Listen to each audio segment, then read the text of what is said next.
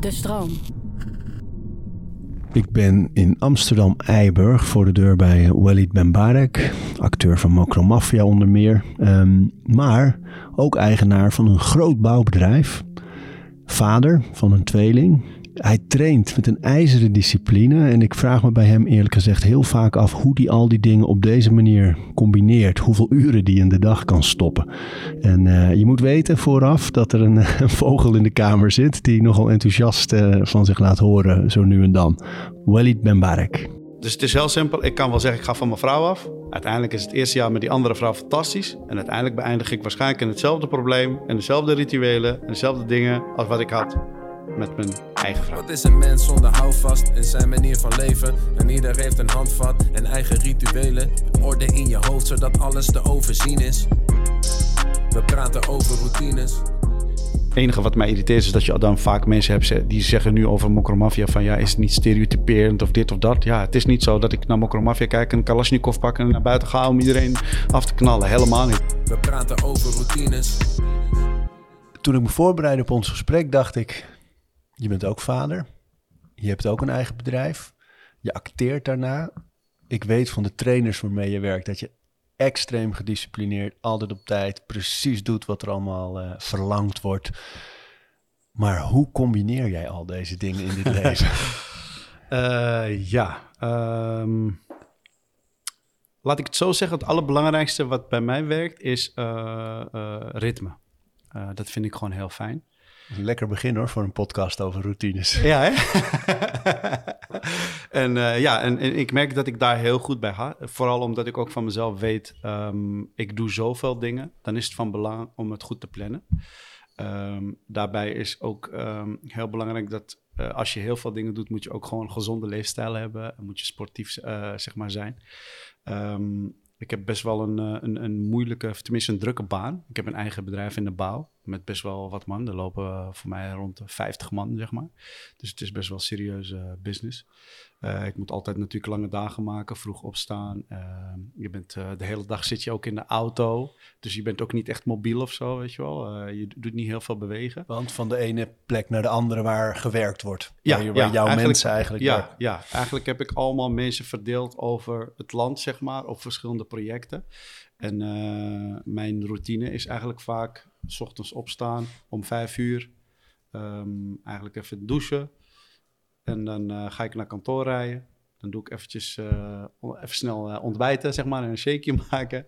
En vanuit daar ga ik vertrekken. Heb ik een hele route gepland waar ik langs ga rijden. En soms is het Zuid-Holland gedeelte. Dan ga ik van Den Haag naar Wassenaar, naar Rotterdam. En zo het rondje om weer terug naar Oegstgeest. Daar zit mijn kantoor. en aan de volgende dag doe ik Noord-Holland. En zo ga ik eigenlijk eigenlijk verdeel ik het eigenlijk uh, in de week. Maar dan is het ook weer belangrijk om tijdens je dag ook te zorgen dat je ook je sportstukje hebt, waarbij je kan ontspannen en even je, je, andere dingen kan doen. Uh, dat plan ik eigenlijk ook daarin in die week. Um, mijn werk, maar, ja. Laten we die eens concreet maken. Ja. Want, ik, want ik zie jou vaak in de gym. Je ja. traint bij ons. Um, dat is vaak rond 10 uur voor mijn gevoel, zo 10, 11. Ja, ja klopt. Ja dan heb jij er dus eigenlijk al een soort werkdag op zitten. Ja, bijna wel, ja. Ja, ja ik ben al in principe om half zes de deur uit, elke dag. Zo joh. Ja, ja.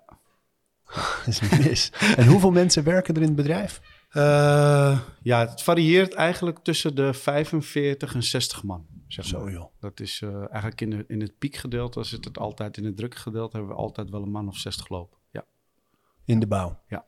En jouw rol is echt het aansturen. Het is jouw bedrijf. Je bent ja, het is, ik doe het samen met uh, mijn compagnon, zeg maar. Uh, dat is Herman.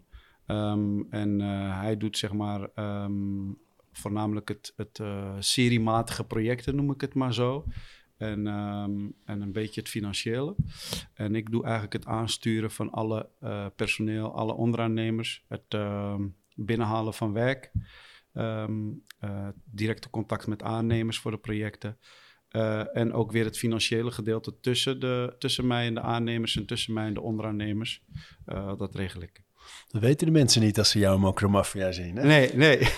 nee, dat weten de meeste mensen niet. Nee. Voelt het voor jou als één leven, al die dingen bij elkaar? Uh, ja, ja. mijn passie is ondernemen en mijn passie is ook acteren. Um, en ik denk dat dat eigenlijk um, het mooie daarvan is ik werk heel veel, maar omdat ik eigenlijk van mijn twee passies mijn werk heb gemaakt, voelt het niet als een druk of zo. Dus eh, ik ga elke keer overal naartoe met plezier eigenlijk bijna. Dus ik ga elke dag sta ik op met plezier en ga ik naar mijn werk.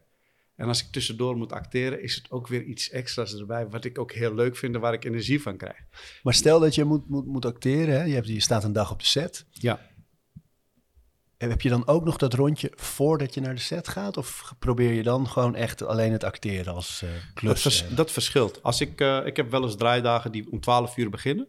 Dan ga ik inderdaad nog steeds om half zes rijden. Ga ik naar kantoor. Doe ik eventjes snel wat afspraakjes. En dan zorg ik dat ik bijvoorbeeld om 12 uur op de set sta. Ja, en als dat ook is van 12 tot 10 uur s avonds. Ja, dan is, dat, dan is mijn werkdag die dag van half zes tot 10 uur s avonds.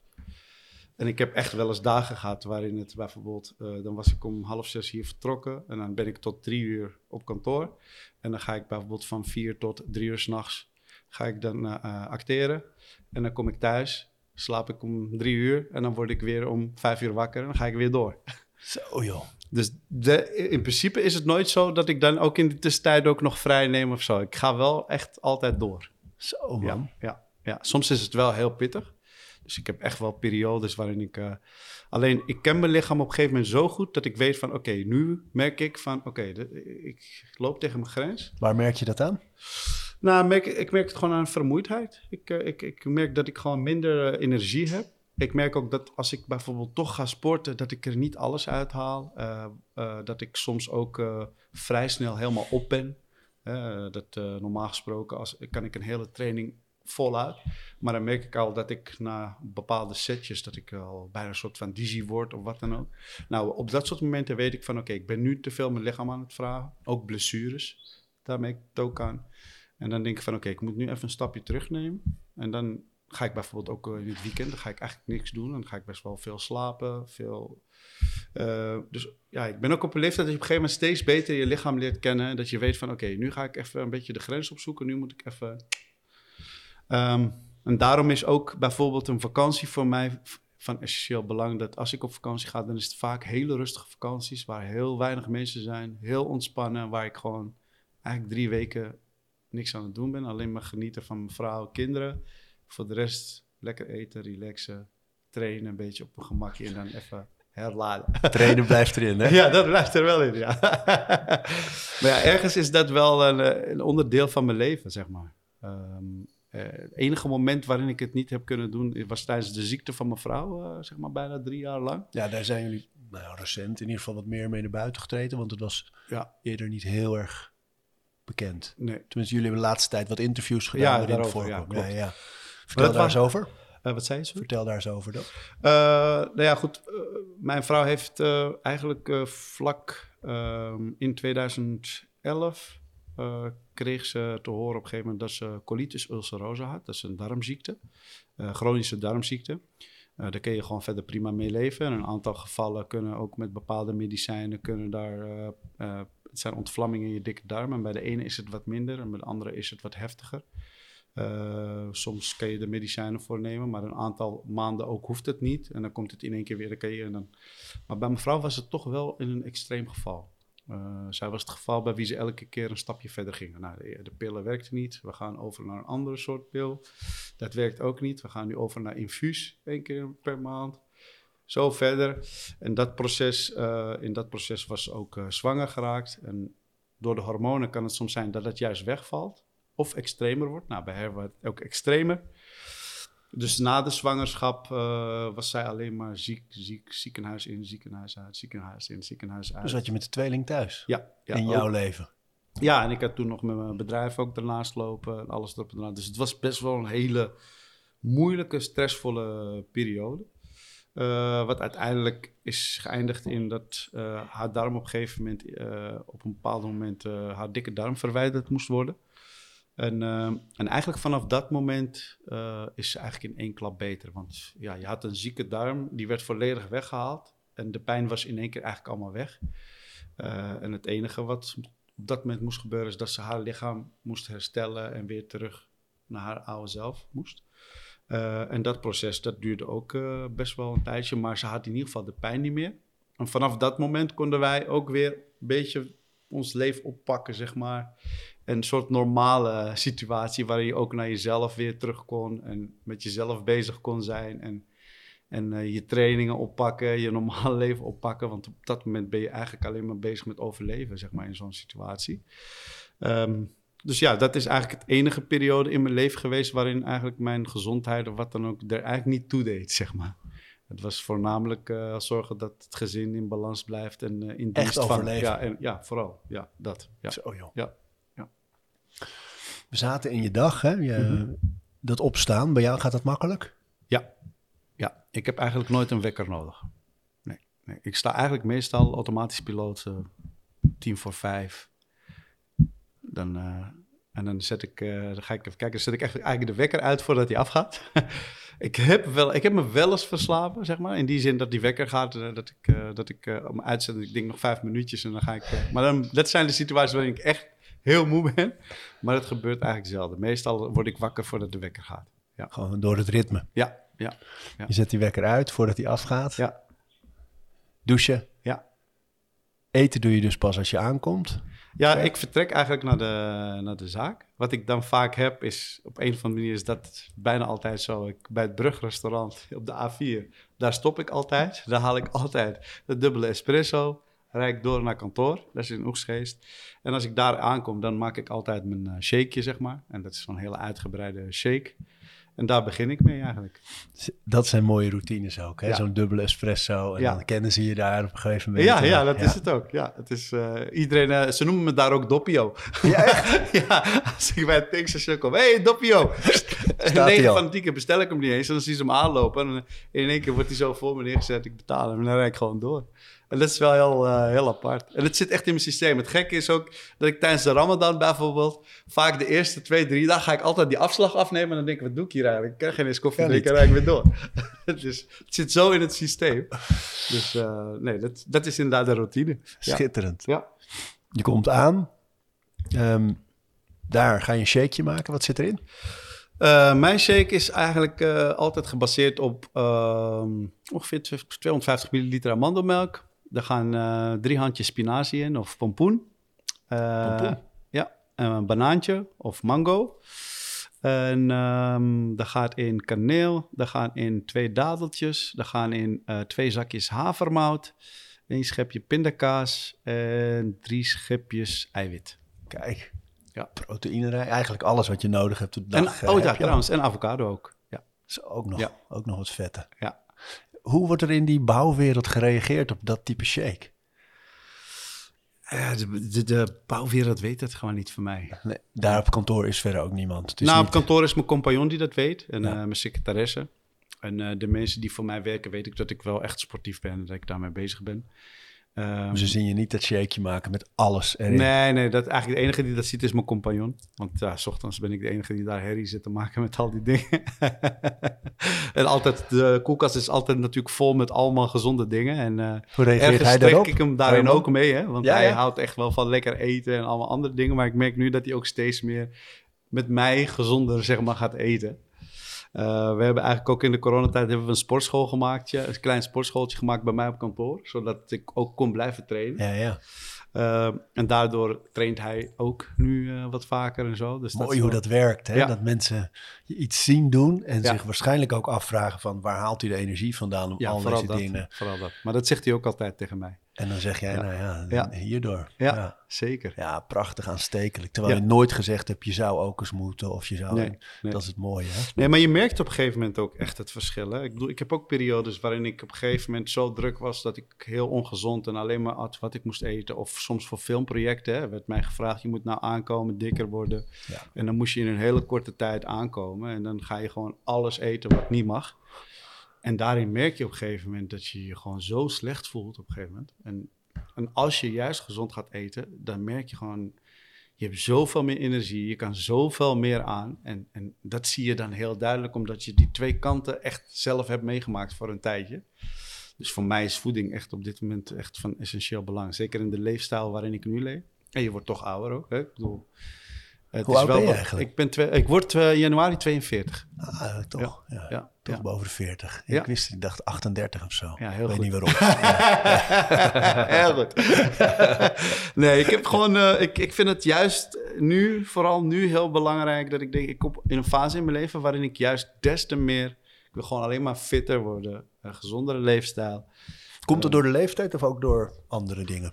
Nou, het komt door de drukte, door de leeftijd. ehm, en ook omdat ik denk van ja, als je er nog wat jaren mee wil. eh, op een goede manier, zal je toch daar echt. eh, dat is wat je nodig hebt. Ja. Nou, voeding is zo van essentieel belang. Eh, trainen, je, een gezonde levensstijl is, is heel erg belangrijk. En, en wat ik zie dat mensen denken dat gezond eten bijvoorbeeld, ehm, dat dat niet lekker is of niet fijn is. Terwijl ik heb echt nu geleerd, hè, mede door Jordi bijvoorbeeld, dat Ja, Jordi je Wille. zoveel gezonde, diëtist. Lekkere dingen hebt. Ja, Ik bedoel, die dieet die hij me gaf, daar heb ik echt van genoten. Ja, laten we daar heel even over hebben als zijpad. Even, het hazenpad op, omdat het gewoon heel leuk is. Want ehm, je werd gevraagd voor Men's Health Ja. eh, om te trainen. Je was in best goede shape al. Nee, ah, Nou, dat vond jij niet, maar de, de rest van de wereld wel waarschijnlijk. voor jouw maatstaf eh, was misschien niet helemaal waar je wilde zijn. Maar ehm, je ging trainen met Jordi Wille en, en eh Sjoerd. Geertsema. Ja. Sjoerd krachttrainer, conditie. eh Jordi vooral voeding. Ja. Mooi team. Ik heb een paar keer ingecheckt bij de jongens. Hoe gaat het? Hoe doet hij het? En, eh, en altijd zeiden ze weer, het is ongelooflijk. Dit is precies wat je wil als je met iemand werkt. Hij doet precies wat er gezegd wordt. Hij eet exact wat er in zijn schema staat. Hij traint. Het is allemaal echt tot in de puntjes uitgevoerd. ja. Is Ja. dat niet lastig thuis? Want je hebt, je hebt gewoon een gezin. Je zit aan tafel met, met z'n allen. Zat jij er dan met een bakje naast of zo? Of hoe ging dat? Ja, ja. ehm, zoals ik zei, ik vind structuur fantastisch. Daar ga ik zo lekker op. En, en, en, en het feit dat het dieet een soort van... Voor mij, dit was het, dit was het, dat was het. Dat is voor mij heerlijk. En het enige, eh, mevrouw wist dat ik daarmee bezig was. En het allerbelangrijkste wat mevrouw vond, is dat ik mee at. Hè? Dat vinden wij heel aan belangrijk. Dat zit. ik aan tafel zit en dat ik met mijn kinderen en mijn vrouw altijd s'avonds samen gaan eten. Nou, dat was gewoon eh, zorgen dat die overgroente op tijd in de oven zit. Nou, mijn kipfiletje is dan eh, klaar. En dat zat het. Ik had een bord op tafel en we gingen met het hele gezin eten. En zo was het gewoon in feite elke dag. Hun aten wel wat anders. Maar ik had gewoon mijn portie wat ik nodig had. En dat zit. Dus het was in principe gewoon... er was eigenlijk niks geks aan of zo. dus, dus dat was eigenlijk heel fijn. Maar vertel eens iets meer over dat, over die, eh, dat voedingsschema. Ja, ik vind dieet altijd een verwarrend woord, maar dat is het natuurlijk wel even dan. Ja, ehm, Maar ehm, waar bestond dat uit, van ochtend tot avond? Eh, op zich was het best wel een hele strenge dieet. Want ik moest in zeven eh, weken tijd moest ik zeven kilo afvallen. dan om een bepaalde shape te krijgen wat gewoon waardig was voor Mens Health. Eh, met een strakke training erbij. En het voedingsschema bestond eigenlijk eh, uit drie keer per dag eten. Eh, waarvan de ontbijt eigenlijk de shake was. Het middageten bestond ehm, eigenlijk uit, nou ja, heel expliciet uit zes eieren, een bakje met groenten, cottage cheese, een bakje cottage cheese en dan nog een shakeje erbij, eh proteïne shake erbij. En daarna was het avondeten en dat was dan ongeveer 600 eh, gram groente en eh 300 gram eh, eiwit. En dat kon dan vis, kip eh, zijn of iets anders. Ja, mensen denken dat, oh ja, 600 gram, dat lijkt abstract. Dat is gewoon ruim een half kilo Ja, aan groente. Dus dat is zo'n hele schaal in de oven eigenlijk vol. Ja, wat ik, eh, wat ik had eigenlijk altijd, was bij de Albertijn heb je die overgroentes. Dat is met zoete aardappel, eh, paprika en broccoli. Ja, en dat at ik echt gewoon bijna dagelijks. En eh, dat was gewoon dat hele bak daar in de oven. Ik had of kipfilet of eh, vis. 3 ons of 325 gram. Nou, en dat at ik.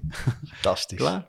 En dat was voor mij, was het een soort van... eh, eh, dag, ja, soms verander ik dan van groente een beetje, dat het net Ja. even spersiebonen of dit, maar het was altijd wel die 650 gram. En Juist dat afgebakende, die hele strakke structuur vind jij fijn. Ja, dat vond ik heel fijn, want ik wist, oké, dat moest ik voor de hele week hebben. En automatisch dezelfde tijdstip ook gewoon eten. Eh, het belangrijkste was ook dat ik moest zorgen dat ik in ieder geval mijn acht uur slaap had. Eh, want er werd ook allemaal, ik moest ook met, eh, met zo'n band en met meters. Dus als ik 's ochtends wakker werd, moest ik gelijk mijn hartslag en allerlei dingen in, invoeren, ook in zo'n app, om te kijken hoe het gaat, het gewicht. Ja. Dus alles werd gemonitord. Waar zet je hartslag ongeveer? Beats per minute? Eh, volgens mij zat ik op eh, 57 of zoiets. Iets in die trant. Ja, ja. En die Dus- werd lager. Ja, ja. En ehm, ze merkte op een gegeven moment wel dat het natuurlijk, mijn stress werd steeds Ja. hoger, omdat je natuurlijk heel erg onder je calorieën zat. Maar het gekke was, we merkten het niet, ook niet tijdens het trainen. Ik was echt tijdens het trainen zo sterk op een of andere manier. Maar misschien heeft het ook te maken met de wil of zo. Want Ja. Jordi noemde mij op een gegeven moment de machine. Ja. en eh, en eh, we waren aan het trainen ook met Sjoerd. En eh, de kracht ging alleen maar omhoog. En ik voelde me heel goed. Ik merkte wel op een gegeven moment dat naarmate de weken vorderden... en ook de voeding werd nog meer naar beneden geschroefd. Want de banaantje moest op een gegeven moment weg. En eh, de koolhydraten werden steeds eh, minder. Omdat we toch naar die... Dat Dat op een gegeven moment merkte dat ik heel moeilijk in slaap kwam. Ja? Dus dat was, maar goed, dat was een soort stressdingetje, weet je wel. En ehm, dat, dat was wel een dingetje waarbij ik dacht van, oké, nu voel ik... de- Dus dat was ook een proces waarin je ook zag van, oké, wat, wat doet het met mijn lichaam? Wat, wat gebeurt er nu? En ehm, Hadden ze daar ook advies over, wat je dan kon doen? Nou, het was voornamelijk ook... Jordi zei ook vaak, als je denkt van je valt niet in slaap... dan is het ook vaak goed om toch een boekje te pakken en te gaan lezen. Ja. Hè? En dat werkt op een gegeven moment. Dus ik ging lezen en dan merkte ik ik op een gegeven moment ging Ja, indutten. Nog Nou een ja, pagina en dan was je al weg. Ja, heb ik ook. En zo heb je echt dus een paar tools waarbij je echt gewoon denkt van ja, ehm, je leert eigenlijk gewoon nog steeds zoveel. Ik heb best wel veel met mensen vaak getraind of adviezen gevolgd of wat dan ook. En het gekke was, dit was de eerste keer in mijn leven dat ik dacht, alles klopt. Ook met de jongens. Ja. Het klikte zo goed, alles werkte zo goed. Eh, het was zo'n goede driehoek dat, dat, dat op een gegeven moment, eh, ja, En de trainingen, die, eh, waar bestonden die uit? Ehm, de training bestond eigenlijk ehm, voornamelijk uit eh, heel veel met losse gewichten eigenlijk trainen. Eh, heel veel bijvoorbeeld squats en heel veel uitstappen, heel veel benen trainen. Was, eh, deadlifts bijvoorbeeld zaten er heel veel bij. En een mix van schouderoefeningen, borst. Maar goed, de sportscholen waren dicht, dus we moeten buiten. Hadden we een smidmachine en wat eh, kettlebells en dumbbells. En daar moesten we het mee doen, gewoon klaar. En ergens zie je dat je eigenlijk helemaal niet zoveel apparaten nodig hebt.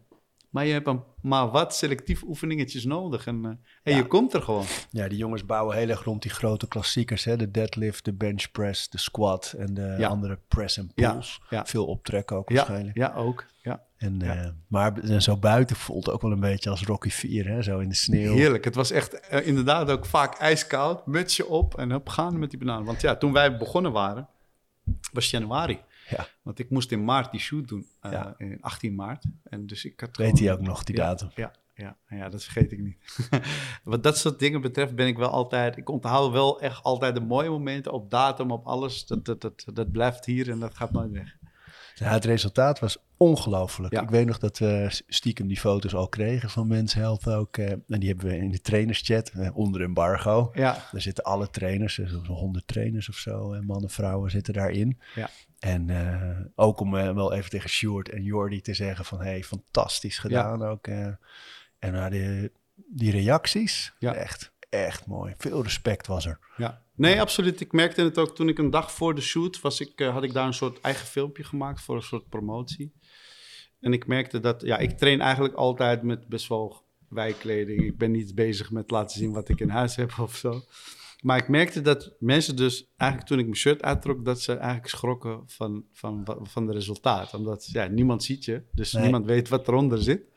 En, ehm, en ergens is dat ook wel een, een kick. Omdat je dan denkt van oké, ja, dit is goed. We Is zijn goed bezig. gegaan. Ja, Ja, ja, ja. zeker. Maar je, je ziet dat jouw karakter en die behoefte en, of die liefde voor eh, een structuur en een strak ritme zich dus ook heel goed vertaalt naar sport. Ja. Naar gezondheid, naar eten.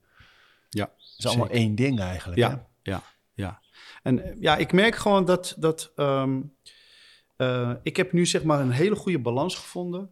Waarin ik eh, zeg van, joh, werk is heel belangrijk. Maar om te kunnen presteren in mijn werk is gewoon heel simpel. Hoort sport en goede voeding hoort er gewoon bij. Anders gaat het hele gebeuren niet kunnen werken. Zo simpel is het.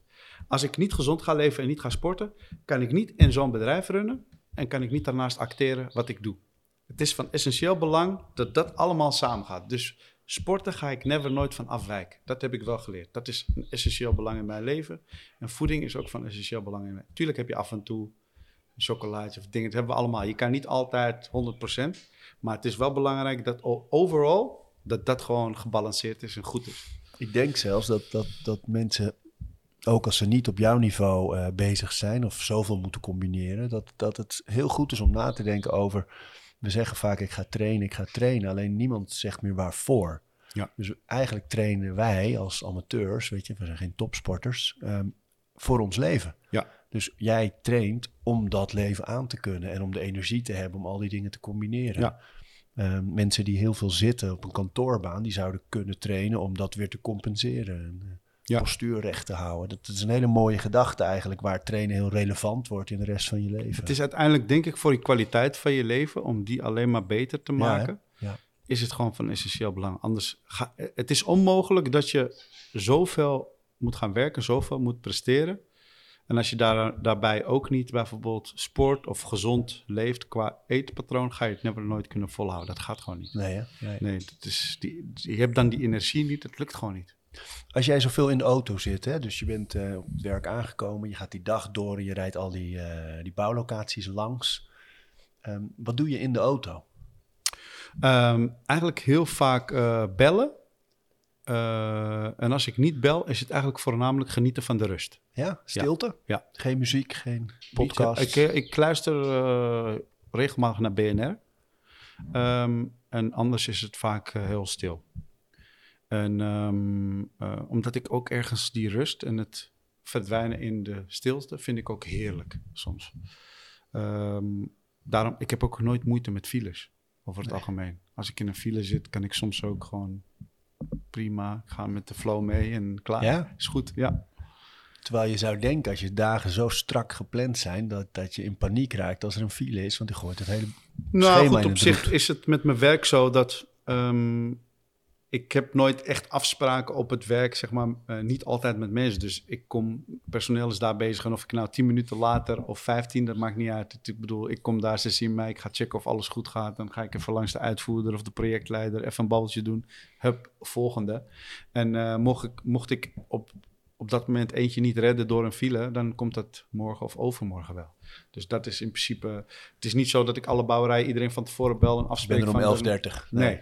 Dus eh, die flexibiliteit is er gelukkig. En dat maakt het gewoon vrij eh, relaxed om, om zelf gewoon goed te kunnen indelen. En daarom kan ik ook makkelijk zeggen van... joh, ik ga vanaf nu elke woensdag en elke vrijdag zo laat en zo laat... bijvoorbeeld met een shoot trainen. En de rest van de week train ik het daar en daar en daar. Ja. Dus eh, dat is gewoon prima. En ehm, hoe combineer je dat met thuis? Dat je, want jullie werken allebei best veel volgens mij. Je vrouw doet ook allerlei projecten. Ja. Eh, mooie theatervoorstelling, Ja. die nu weer even stilstaat helaas. Maar Ja. Nou goed, kijk, eh, mijn vrouw die is gelukkig ook wel wat flexibeler. Eh, ik bedoel, die doet haar eigen voorstellingen zelf creëren, aanvragen, opstarten. Dus heel vaak werkt ze ook eerst qua voorbereiding qua van huis uit. En ehm, ze traint hier vlakbij, zeg maar. En dan doet ze vaak ook, mag ze een zaal gebruik maken. Dan kan ze zich voorbereiden. Nou ja, de kinderen zitten natuurlijk op school, gaan naar de opvang. Dus ze heeft ook wel redelijk wat tijd waarin ze vrij is om heel veel dingen, zeg maar, te kunnen inplannen voor Ja. zichzelf. En ehm, dus dat gaat eigenlijk, die combinatie gaat eigenlijk eh, prima samen. En ehm, ja, ik kom altijd rond een uur of zes thuis. Ja, dat is heilig hè, dat, dat- eten dan. Ja, dat, eh, het eten is echt heilig. En kinderen op bed leggen. Want dat is uiteindelijk voor mij het enige moment op de dag waarin ik, wat ik met ze heb, eventjes door de week. En daarom vind ik het heel belangrijk om te zorgen dat ik in ieder geval uiterlijk zes uur hier thuis ben. Ga ik met ze eten. Kunnen we even zitten. Daarna breng ik ze bed. Gaan ze even douchen. Ik lees even een verhaaltje voor. Ik ben degene die ze eigenlijk vaak op, op bed legt. Dat contact is wel heel belangrijk. Om je moment te hebben. hè? Ja, ja, zeker. En hoe zorg je ervoor in zo'n vol leven dat je, dat, dat werk, het acteren, het andere werk niet doorcijpelt eigenlijk in die momenten? Dus dat je dan toch nog even met je telefoon of... Nou, meestal, ik, doe al met, ik regel altijd dat mijn telefoon, eh, als ik zodra ik hier de deur instap, is mijn telefoon gaat ergens in, in de kast even. En die pak ik pas eigenlijk nadat de kinderen slapen. Dan wil ik nog wel even eh, wat dingen checken, maar ook bijna niet. Ik reageer bijna nooit op appjes s'avonds. Dat komt allemaal de volgende dag. Dat is ook een proces wat ik heb geleerd, want dat deed ik vroeger niet. Maar op een gegeven moment, je gaat op een gegeven moment in je leven steeds meer dingen ontdekken. Wat werkt beter, wat past beter, wat heeft prioriteit. En op een gegeven moment heb ik gezegd, nee, mijn kinderen, is, dat is, het is maar tweeënhalf uur of zo. En daarna heb ik zelf tijd nodig voor mezelf en voor mijn vrouw en je eigen rust. Je werkt al genoeg. Ik bedoel, met alle respect, 13 uur per dag werken. En waarvoor moet ik daarna nog werken? Uh, en in het begin, als je, toen ik net aan het ondernemen was, dan word je gewoon uitgeleverd. Want dan wil je presteren en denk je, oh, dat moet anders gaan dingen weg en zo. En op een gegeven moment denk je van, ja, ik doe wat ik kan, dat doe ik goed. Daar geef ik alles voor. En ik doe al meer dan 13 uur. Normale mensen werken misschien 8 uur of zo per dag. Ik doe 13 uur, dus ik heb al alles gegeven die dag.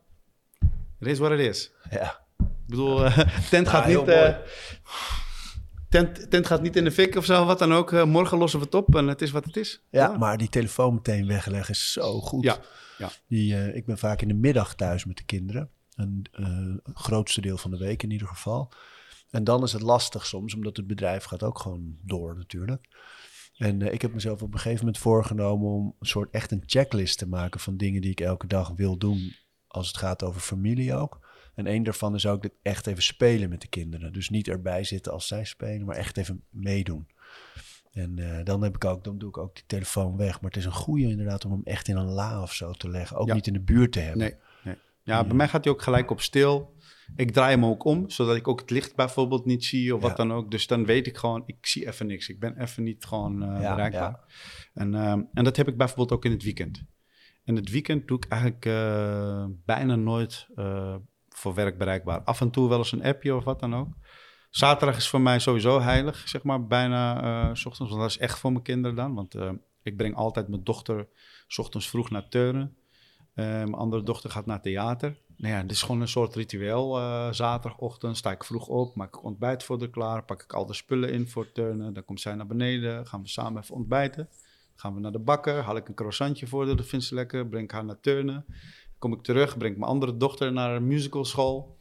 En daarna haal ik ze om, om 12 uur en die andere om 1 uur. Weet je wat ik zo mooi vind? Jij vertelt het alsof het een soort relaxdagje is voor papa die de hele week zo hard werkt. Maar uiteindelijk is het ook gewoon beuken op een schema. Ja, maar ergens vind ik dus dat hele vroege opstaan en dan in alle rust een broodje maken voor mijn dochter en zo, is voor mij zo ontspannen. Omdat niemand hoort, ik ben, nee, ik ben voor haar dingen aan klaarmaken. Zij komt rustig, gaat ze lekker ontbijten. En die rust en dat dingetje, dat voelt voor mij... Ik, eh, ik kan toch niet stil liggen. Dat is niet in mijn aard. Dat, dat, dat kan ik gewoon niet. Dus, dus, dan geniet ik van het feit dat ik dan zo ook met haar naar buiten ga, auto, dan rijd ik daar naartoe, dan ga ik weer terug. En in de tussentijd sport ik dan, weet je wel, op zaterdag, want dan heb ik gewoon eventjes 2,5 uur de tijd ertussen om ze daarna weer op te halen. Dus dan sport ik eventjes anderhalf uurtje. Dan ga ik haar om 12 uur ophalen en dan kan ik mijn andere dochter om 1 uur ophalen. En zo is het weer compleet. en wat geven de kinderen je aan? Uh, want ik heb het gevoel dat ze je veel energie geven ook. Ja, ja, ja zeker. Zeker. Ja, ja. Mijn Hoe kinderen, dat, dat, is. Uh, uh, ja, mijn kinderen zijn ook zo, zo energiek en zo enthousiast. Tweeling, hè? Vandaag. Ja, tweeling. En uh, wat, wat wij vooral ook aan ze meegeven, is dat het belangrijk is om dingen te blijven doen. Um, heel sociaal te zijn, is, is vooral iets wat bij ons ook heel belangrijk is. Uh, dat niks vanzelf komt. We leren ze ook om heel erg zelfstandig te zijn, weet je wel. Dus het is niet zo dat s'avonds, um, s'avonds als ze klaar zijn met eten, moeten ze wel zeg maar alles zelf in de vaatwasser doen gaan zelf alvast naar boven. Ze kunnen zelf douchen, ze kunnen zichzelf aankleden. En daarna kom ik. Het is niet zo dat... Uh, en in het hele dynamiek en alles, weet je wel, dat is, dat is, um, um, dat is bij ons zo fijn en het werkt zo goed. En ze zijn heel enthousiast. Ze willen dingen doen, ze willen dingen ondernemen. Ze zijn altijd van het bewegen en dat soort dingen. Dus ik, ik eh, vind het heerlijk om daarin gewoon ook mee te gaan en zo. En uh, ze zijn blije kinderen. En dat, dat, dat, geeft mij ook gewoon een hoop energie. Dat vind ik gewoon uh, heel leuk. En de band ook. Je wil ook dat de band met je kinderen gewoon goed is. En, uh, en dat is van essentieel belang. Ik bedoel, je kinderen moeten altijd naar je toe kunnen komen, in wat voor situatie dan ook, weet je wel. Ja, ja. Dat, dat, dat, uh, dat vind ik heel belangrijk, ja. Ik vraag me steeds af, hè, als je zo met dat werk ook bezig bent, die, je, met acteren is natuurlijk een groot deel teksten leren, voorbereiden. Hoe doe je dat? Ja, ik heb één voordeel op zich, is dat ik best wel heel snel kan leren. Dus uh, heel vaak uh, lees ik de tekst een paar keer en dan zit die uh, vrij snel in mijn hoofd. Um, en um, dus dat gaat me gelukkig, dat scheelt al enorm. Hoe doe je dat per, per scène? Ik, ik stel me altijd voor bij acteurs dat ze dan thuis eerst gewoon echt aan, aan het stampen zijn. Zoals je vroeger rijtjes stampte voor school. Hè? Dat echt uit je hoofd leren van dingen. En het dan misschien een beetje hardop gaan doen om het meer eigen te maken. Of meer in, in, het, uh, in de dictie van het karakter te doen of zo. Of, ja. Nou, wat, wat, wat, ik doe is, um, ik lees vaak zeg maar de script even snel door. En dan weet ik in ieder geval, dat dit, hier gaat het verhaal over. En dan ga ik kijken van, oké, wat is het karakter wat, is, wat ik uh, moet spelen? Wie is dat? Uh, hoe, hoe, gedraagt hij zich? Wat voor persoon is het? Wat, zijn, wat is zijn omschrijving, zeg maar? En vanuit daar ga ik kijken van, oké, welke scènes ga ik opnemen? Dan ga ik die scènes eerst gewoon goed leren. Dat ik de tekst eigenlijk gewoon kan dromen. Zodat ik er zelf alles mee kan doen. Ik wil niet nadenken wat ik moet zeggen. Maar als ik het gewoon helemaal droom, dan kan ik er wel allerlei dingen mee doen. Uh, want uiteindelijk wil ik het eigenlijk. Ik speel altijd, maakt niet uit wat voor rol ik ook speel. Ik speel altijd wel met wat nou als Walid deze personage is. Hoe zou die het zeggen en hoe zou die het spelen? Want dan is het heel dicht bij mezelf en dan heb ik het gevoel dat het het meest geloofwaardig is. Ja. En zo ga ik altijd eigenlijk een, uh, pak ik een rol aan. En dat werkt voor mij het prettigst, zeg maar. En hoeveel van je tijd heb je daarvoor nodig? Om je zegt je doet het snel, maar ja, eigenlijk meestal um, is het eigenlijk s'avonds als de kinderen op bed liggen. Dan is het in plaats van een boekje, is het eigenlijk de teksten uh, leren. Um, en ik heb het, wat ik ook soms heb, is dat ik het opneem. En dat als ik aan het rijden ben, dan speel ik het af in de auto. En dan hoor ik het. En dan ga ik het na spelen terwijl ik in de auto zit te rijden, want dan heb ik heel vaak heel veel tijd. Ja, mooi. En uh, dus ik probeer ook daarin mijn tijd eigenlijk heel goed te benutten wanneer. Het moet niet ten koste gaan van, van de kwaliteit van de kids of vrouwen of wat dan ook. Het moet wel altijd tussen werk door of ergens als ik altijd al als het ware niks aan het doen ben. dus dat is gewoon op zich voor mij dan een goede moment om het te doen. En um, ja, dat is het eigenlijk. Deze aflevering wordt je aangeboden door Squarespace. Dat is een alles-in-één platform waarmee je heel makkelijk zelf je website kunt bouwen. Of je nou producten of diensten wil verkopen of bijvoorbeeld kunst wil delen met de rest van de wereld. Ik noem even kort drie functies van het platform. Het bevat een ontwerpsysteem waarmee je zelf je website kan vormgeven. Je kan abonnementen verkopen voor een deel van je site. Dan kun je bijvoorbeeld speciale content aanbieden aan leden. En Squarespace analyseert hoe je platform presteert en wat er voor nodig is om je bedrijf online verder te laten groeien. Wil je het uitproberen? Start dan je gratis proefperiode via squarespace.com/overroutines. En ben je klaar om je website echt te lanceren? Gebruik dan de code OVERROUTINES. Dan krijg je 10% korting op je eerste aankoop van een website of domein. Wat vind je zo mooi aan acteren? Um, wat ik heel mooi vind aan acteren is dat je um, toch kan transformeren in iemand anders. En dat je een gevoel kan overbrengen en dat je mensen daarmee kan raken. Uh, dat vind ik heel mooi. Um, en, en, het triggeren dat je, dat je... Ja, ik bedoel, je bent jezelf, maar je gaat op een gegeven moment iemand anders spelen. En degene die naar je kijkt raakt of ontroerd of gaat met je mee. Of, en dat stukje, dat vind ik wel fascinerend. Omdat ik zelf ook, als ik naar bepaalde acteurs kijk of wat dan ook... en ik ga helemaal met ze mee en ik, of je wordt emotioneel of je gaat ze lachen... of je voelt dat je bijna in het scherm wil van dat je denkt... oh, ik vind je zo goed. Nou, dat stukje, dat, dat, als ik dat kan, dat, dat vind ik gewoon... Uh, dat vind ik gewoon uh, heel vet. Naar welke acteurs kijk jij op die manier? Die, waarvan je zegt, die vind ik, dat vind ik echt goed? Um, nou, ik vind bijvoorbeeld uh, Matthew McConaughey vind ik heel ja. goed. Ik vind uh, Leonardo DiCaprio vind ik echt fantastisch. Um, ja, ik had het vroeger heel erg veel met Al Pacino ook. Maar vooral dus de, de, de grote Hollywoodsterren meer dan dat je in de Nederlandse markt kijkt. Ja, dat heb ik meer, ja. ja. ja Is daar een reden voor? Uh, ik denk dat het komt omdat ook in Hollywood wordt er veel meer gespeeld natuurlijk. Ik bedoel, veel meer projecten. Je ziet veel meer. Je hebt zeg maar één acteur, die heeft al zoveel rollen gespeeld. En met alle respect, in Nederland is uh, uh, ook qua... Uh, is een klein landje, er wordt ook niet zoveel gemaakt. En uiteindelijk wat er gemaakt wordt, merk ik dat het heel vaak eh, meer gebaseerd is op uiterlijk en wat mensen naar de bioscoop trekt, dan dat het uiteindelijk gaat om uh, verhalen en wie speelt het best. Want ons probleem is in Nederland, uh, de goede films, die trekken de, die trekken de mensen niet naar de bioscoop op een of andere manier. En het zijn de romcoms die met alle respect, ja, niet heel sterk zijn. Of vaak mensen inspelen die eigenlijk geen acteur zijn. Uh, die toch dan 150 of 200.000 bezoekers hebben. En dan gaat het om geld en dat is het. Daarom kijk ik eigenlijk niet naar, um, heel vaak naar Nederlandse films. Ik vind wel dat het steeds beter wordt. Maar dat stukje vind ik jammer. Maar ik denk dat het ook te maken heeft met. Um, het zou kunnen, want we hebben genoeg talenten. En je kan ook in alle genres, ben ik van overtuigd, kan je goede films maken die ook alle publiek trekken. Want dat hebben we uiteindelijk bewezen met Mokromafia. Uh, Alleen in Nederland is het zo, we hebben iets gemaakt, dat werkt, dus we gaan daarop blijven. We gaan niet kijken in de markt zoeken van wat kunnen we ook maken om andere mensen erbij te trekken. We hebben nou 200.000, maar we hebben 17 miljoen mensen. Hoe gaan we nou van die 200.000 toch wel een miljoen maken? Want waarschijnlijk is er ook een andere genre die ook goed kan werken. Als je het maar goed maakt.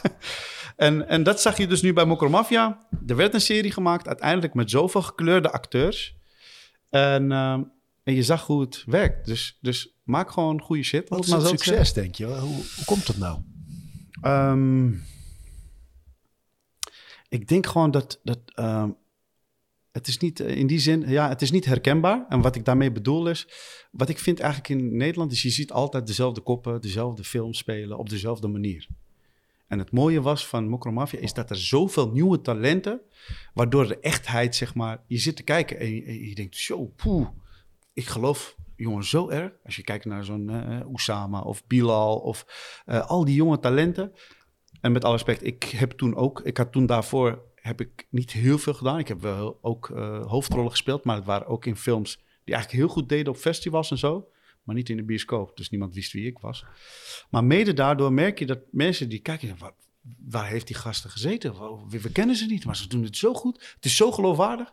Terwijl misschien als je met alle respect, Jim Bakken of een uh, Barry Atsma in Mokromafia zet. Dan denk je, ik heb die man zo vaak gezien, ik weet niet of ik het allemaal moet geloven. En dat stukje vind ik, denk ik, het sterkste van, van, van Mokromafia, is dat het allemaal zo nieuw is, zo onherkenbaar, dat het ook zo geloofwaardig is.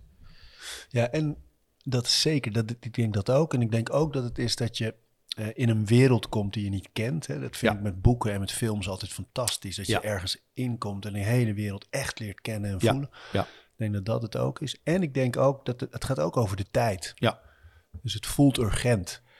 100 procent. En um, kijk, wat ik altijd zeg ook, kijk, crime is fascinerend.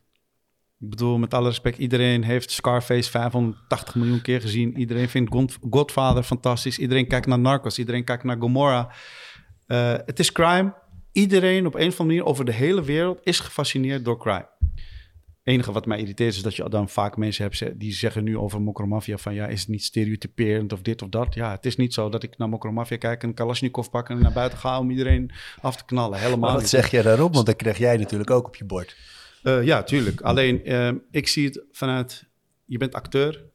Elke acteur die je vraagt van wat is je wens om ooit te spelen, gaat hij zeggen de bad guy ik ken bijna een, geen één acteur die niet zegt van, van joh, ik, ga, ik wil een, uh, een romantische man spelen. Iedereen zegt ik wil een keertje die bad guy spelen. Omdat er meer randjes aan zitten, ja, ja. je waarschijnlijk verder bij jezelf heel tof. moet. Ik bedoel, als je zelf gewoon een heel lief, leuke jongen bent, dan wil je een keertje gewoon eventjes, even knallen op de set.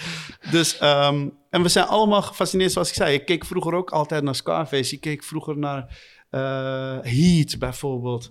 Uh, allemaal van dat soort films wordt zo sterk in gespeeld. Uiteindelijk gaat het om het spel, dat je met karakters meegaat, dat je gewoon helemaal inleeft.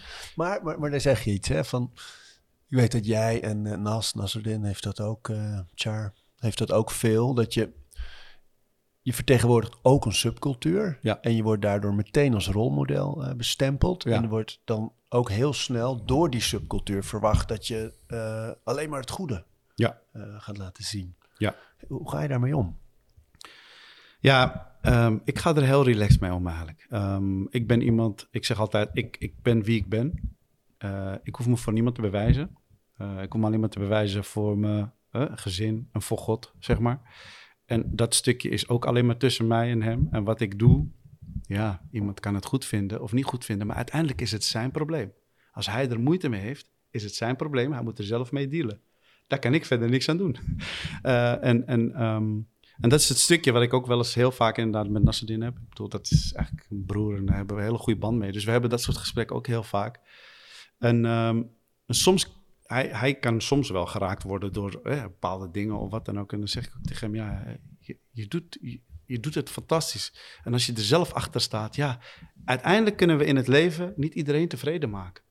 En, en daar gaat het ook uiteindelijk niet om. Het gaat erom dat jij zelf tevreden bent, dat jij zelf achter staat, dat de mensen die heel close met je zijn, dat die trots op je zijn en dat het goed is. Dat is uiteindelijk waar je voor je doet, dat geeft je energie. Al het andere is allemaal negatief, moet je gewoon heel ver van je laten. Dat ze het willen vertellen, maar is dat ook een reden dat jij... Ehm, dus Nas is ook echt een activist bijvoorbeeld. Ja, hè? Die is ja. echt op de bühne. Die eh, gaat discussies aan. En die Ja. vindt van alles van de politiek en van bepaalde politici. En spreekt zich heel vaak uit. Is- Doe jij dat bewust ook minder om die ruis die dat toch ook veroorzaakt... ook meer buiten te houden? Ja, ja. Ik doe het bewust omdat ik ook denk van... ehm, ik heb een mening. ehm, en ehm, ja, die hoef ik niet aan iedereen kenbaar te maken. Omdat ik uiteindelijk niet zie... eh, ik, laat ik zo zeggen, ik heb niet het gevoel dat dat wat gaat toevoegen. Of dat dat het probleem gaat oplossen. Dus ik vind het heel interessant om het met jou te bespreken... of met mensen die close met mij zijn, mijn mening... en uit te leggen waarom ik zo denk. Maar om het in de wereld te gooien... en zeker niet op social media... want met alle respect, er zijn zoveel debielen op social media. Dan krijg je alleen maar zoveel shit over je heen... waarvan je denkt, ja, ik heb hier geen tijd voor. Dat kost mij zoveel negatieve energie. Dat kan ik beter gebruiken om straks die dumbbells van 50 kilo te laten persen. Dan. Sowieso. Nee, maar- Het ijzer ligt Het is- niet. Nou, ik, ik zie eigenlijk zelf niet het nut van in. Ik, eh, ik, eh, ik, ik, ja, ik geloof daar niet in. Nee, het is, een, het is denk ik een heel mooi vraagstuk van deze tijd. Weet je? Op het moment dat je bekend wordt, wordt er, wordt, je, wordt er een beetje van je verwacht soms dat je ook overal iets van vindt. Of dat je die bekendheid gebruikt voor van alles. Terwijl uiteindelijk is het natuurlijk, je doet je werk en je hebt je volle dagen. En ik denk dat heel veel eh, jonge mensen sowieso, ongeacht cultuur, tegen je opkijken. Want je, je werkt hard, je hebt je bedrijf, je bent acteur. Veel dingen die anderen ook willen. Eh, mooi gezin. Dus daar zit al zoveel in dat het ook helemaal niet nodig is, denk ik, om altijd maar mee te doen in die. Dit is mijn mening en ik vind dat en we moeten zo en dit moet anders. Dat, dat is niet voor iedereen. Nee, nee. En eh, voor mij is het... ik heb gewoon zo eh, veel dingen in mijn eigen leven. Ehm, ik ben wel heel selectief in het eh, gebruiken van mijn energie. Ehm, en ik probeer zoveel mogelijk positieve energie voor mezelf te hebben. En ik vind dat wel echt allemaal zonde. En heel veel energie kosten voor heel veel negativiteit. Ja. Ehm, en als ik echt dingen kon verzetten of echt dingen mee kon bereiken, dan ben ik misschien de eerste die daar in de rij staat. Ja. Maar ik ben ook maar één van de 2 miljoen die dat vindt. De andere 2 miljoen vindt het niet zo. En dan heb je uren discussie over iets. En uiteindelijk gaat het mij. Ik kijk altijd naar resultaat. Wat is het resultaat wat we uiteindelijk bereiken? Gaan we daar iets mee bereiken? Nee. We komen er toch niet uit. Waarom ga ik daar aan beginnen dan? Dat heeft geen, geen zin. Je noemde net al, hè, dat is tussen jou en God. En je zei eerder ook eh, ehm, dat dat gedeelte ook belangrijk voor je is, hè, je geloof. Ehm, hoe zit het met die rituelen? Het bidden bijvoorbeeld. Ja, ik, eh, ik bid ook. Vijf Ehm, keer? Ja, Zo. ja, ja, ja. Ik heb eh, bijvoorbeeld ook op de zaak heb ik een, eh, een, een, een, eh, tapijtje, zeg maar. Ja. En ehm, goed, als, ik, als het tijd is, dan soms bid ik op tijd. Soms lukt het niet en dan moet ik gewoon, s s'avonds kom ik hier en dan ga ik het inhalen. Ehm, en, maar goed, dat is wel echt van essentieel belang voor mij. Dat is ook wel een stukje wat gewoon goed voelt om dat te doen. Ehm, het geeft me een bepaalde rust. Ik vind het gewoon heel belangrijk. Het is mooi. Ik hoorde laatst iemand zeggen dat het ook een ehm, in, in dat geloof en de islam ook die vijf keer bidden, dat dat ook hele mooie stiltemomenten eigenlijk zijn voor het hoofd. Van eigenlijk bijna meditatief. Ja. En waar eh, geloof of religie heel vaak dat aandraagt, het bidden, het, het stilte opzoeken, eh, missen we dat heel vaak gewoon in de, met name de westerse cultuur. Hè? Dat je eigenlijk niet meer die vanzelfsprekende momenten hebt. Voelt het voor jou ook zo?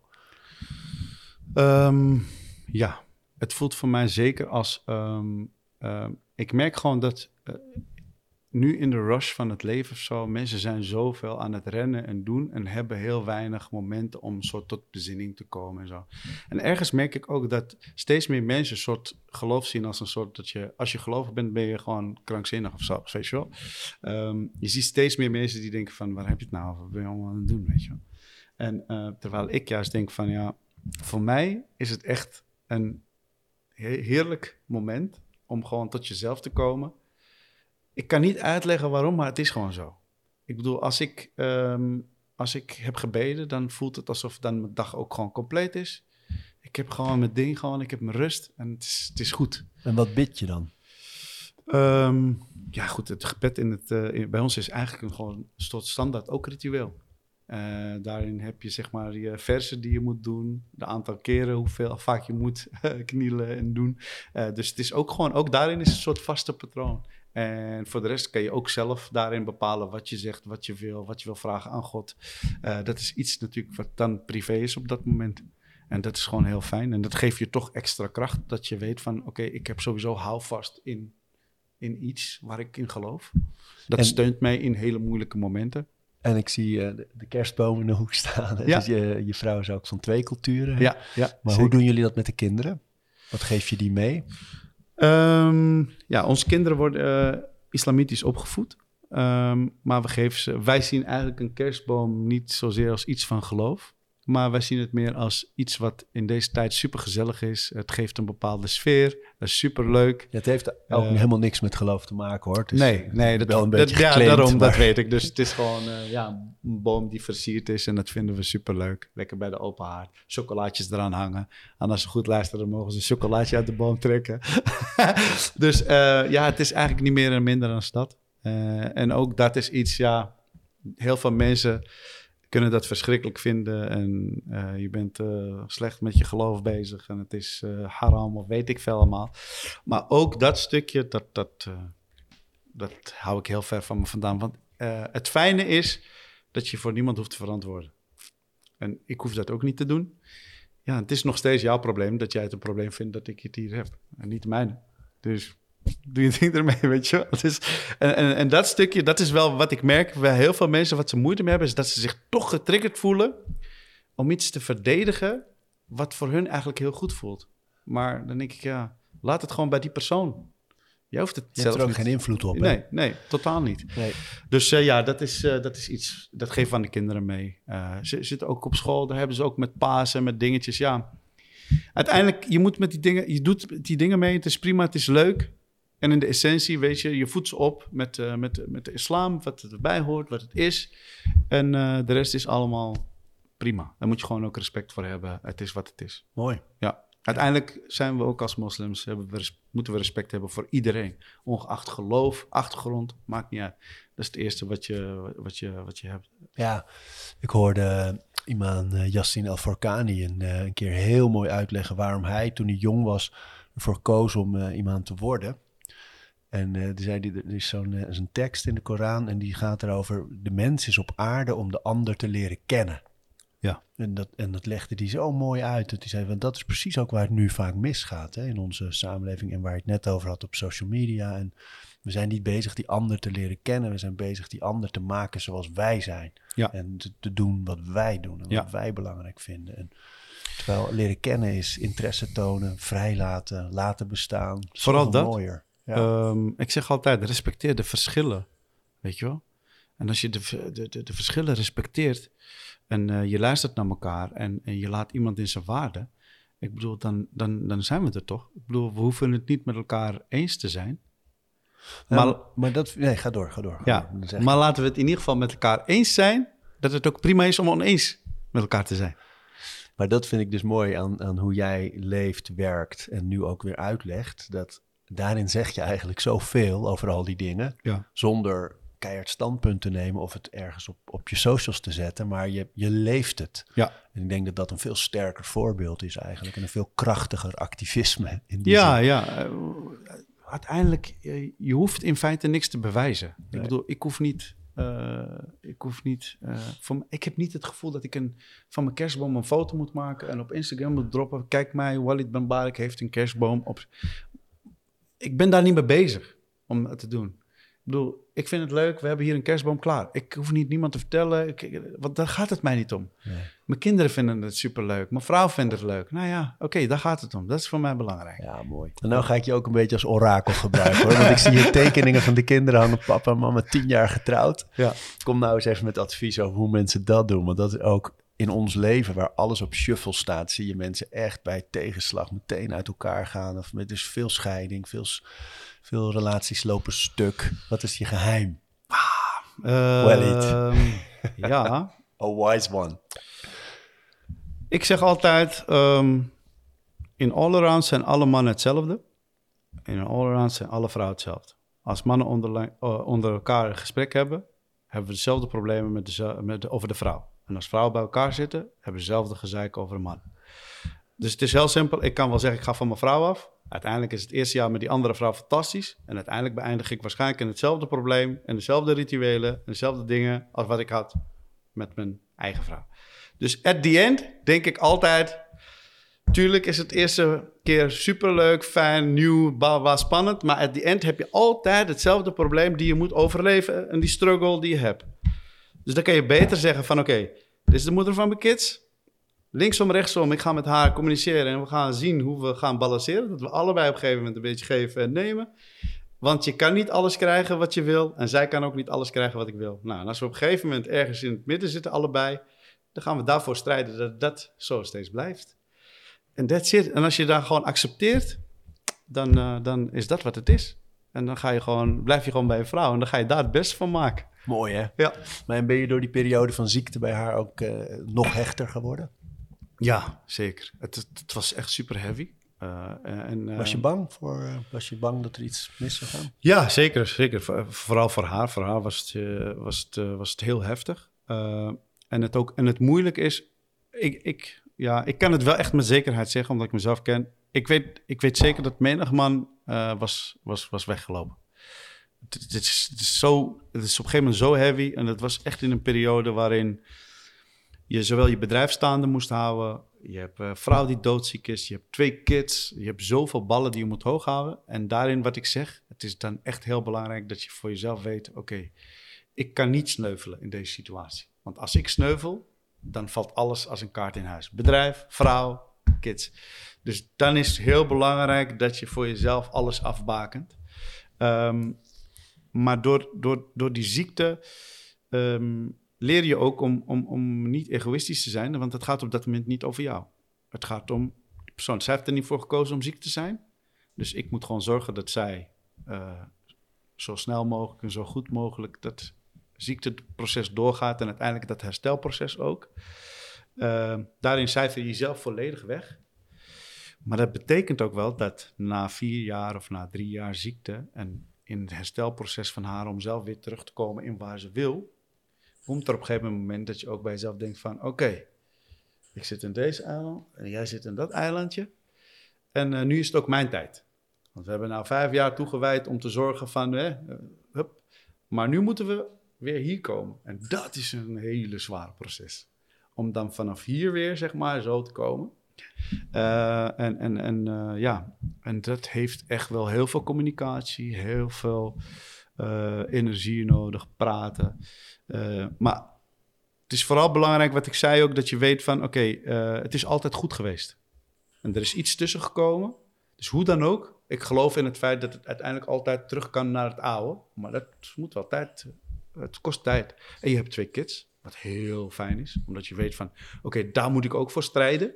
Dat is heel belangrijk. Want ik denk als je in situaties, als je geen kinderen hebt, dat je misschien soms, ondanks dat je wil strijden, dat je misschien sneller de handdoek in de ring zou kunnen gooien. Maar dat extra element kinderen zorgt er eigenlijk alleen maar meer voor dat je denkt: wat er ook gebeurt, dit moet overleven. En dat had ik heel sterk uh, met mijn vrouw. En gelukkig zijn we er uh, allebei uh, heel sterk uitgekomen. Mooi man. Ja. Hoe heet de voorstelling? Um, haar voorstelling heet nu Fatima. En um, dat is eigenlijk een hele bijzondere voorstelling, want het gaat uiteindelijk ook over het hele proces van uh, met de corona en de situatie van een vrouw tijdens corona, met kinderen thuis en alles en nog wat. En daarin ook verwerkt 50 jaar migratie uh, van onze uh, ouders en hoe dat is gegaan en hoe dat in, het, in Nederland is. En die combinatie daarvan is echt fantastisch. Uh, met heel veel humor, maar ook het raakt je. Het heeft eigenlijk alle elementen, want zij is... Wat ik gewoon jammer vind, is zij is echt een juweeltje wat nog niet is ontdekt. En echt, Nederland zou eigenlijk haar echt moeten leren kennen. Want zij heeft, zij kan zingen, zij kan dansen, zij kan mensen raken, ze kan mensen laten lachen. Ze is echt heel goed. Um, en ik zou echt willen dat, dat, dat, dat mensen dat een keertje echt het mensen dat meer gaan zien. Dat, Mooi dat mensen zien, man. Neem eens mee naar de première van de, van de. Hoe zat jij in die zaal? Zit je dan te huilen? Uh, ja, alles. Ik zit eigenlijk te lachen, te huilen, al, alles. Want, Trots. Uh, het, ja, zeker, zeker. Want je maakt alles mee natuurlijk. Hè? Ik bedoel, uh, alles waar zij speelt is echt gewoon wat, wat in ons leven gebeurt. Dat, dat, dat speelt ze en ze pakt andere elementen van wat er buiten gebeurt. Dus ze neemt je wel in een rollercoaster. En soms is het ook confronterend, soms raakt het je. Soms is het uh, herken je situaties en dan vind je, en dan lach je erom. Uh, maar zeker omdat ik weet waar ze vandaan komt, uh, des te bijzonderder ik vind hoe ze dan ook zo'n première neerzetten en wat ze daarmee doet. Strijder, dus, hè? Ja, echt. Ja, vooral dat. Ja, dat zeker. Ja. Mooi, ik denk dat ik als man uh, het, het, niet had gered wat zij heeft, voor elkaar heeft gekregen. Met zo'n ziekte en alles erop en eraan. Wat dat betreft zeg ik wel altijd dat vrouw wel met zekerheid de sterke geslacht is ten opzichte van de man. Dat 100%. Goede discipline ook Ja, vaak. ja, ja. Eén ding nog. Ja. Waarom blijf je het allemaal doen? J- jij zou inmiddels, denk ik, kunnen voor kiezen om vol op het acteren te gaan. Je zou ook al lang voor kunnen hebben kiezen om vol op het bedrijf te gaan. Maar waarom blijf je al die dingen combineren en uren van 13 dagen van 13 uren maken? Um, omdat ik tot nu toe niet het gevoel heb dat het een, uh, dat het een last is. Maar het is meer een lust, zeg maar. Dus uh, ik geniet van... Uh, Ik krijg gewoon een signaal van de vogel dat we moeten gaan afronden. Papa nodig hier. Echt, hè? Um, nee, zoals ik zei, uh, het ondernemen geeft me heel veel energie. Omdat ik zie dat uh, mijn bedrijf eigenlijk lekker gaat. En ik kan daardoor... het bouwen? Ik bedoel, het, het, het, uh, het, het uh, figuurlijke bouwen. Dus het Ja. iets opbouwen, bedoel Ja, ik? ja, ja. Um, en, um, en het acteren, dat is... Maar dat is echt een passie, weet je wel, wat, wat, wat ik uh, heerlijk vind om te doen. En als ik, uh, als ik iets heb gedaan en het heeft iets gedaan met, met anderen of zo, iets overgebracht, dan, dan geeft je zo'n bijzonder gevoel. Dat, ja, dat is heel moeilijk om te, uh, te omschrijven. Um, maar ergens, ik hou ook van zekerheid. En acteren is onzekerheid.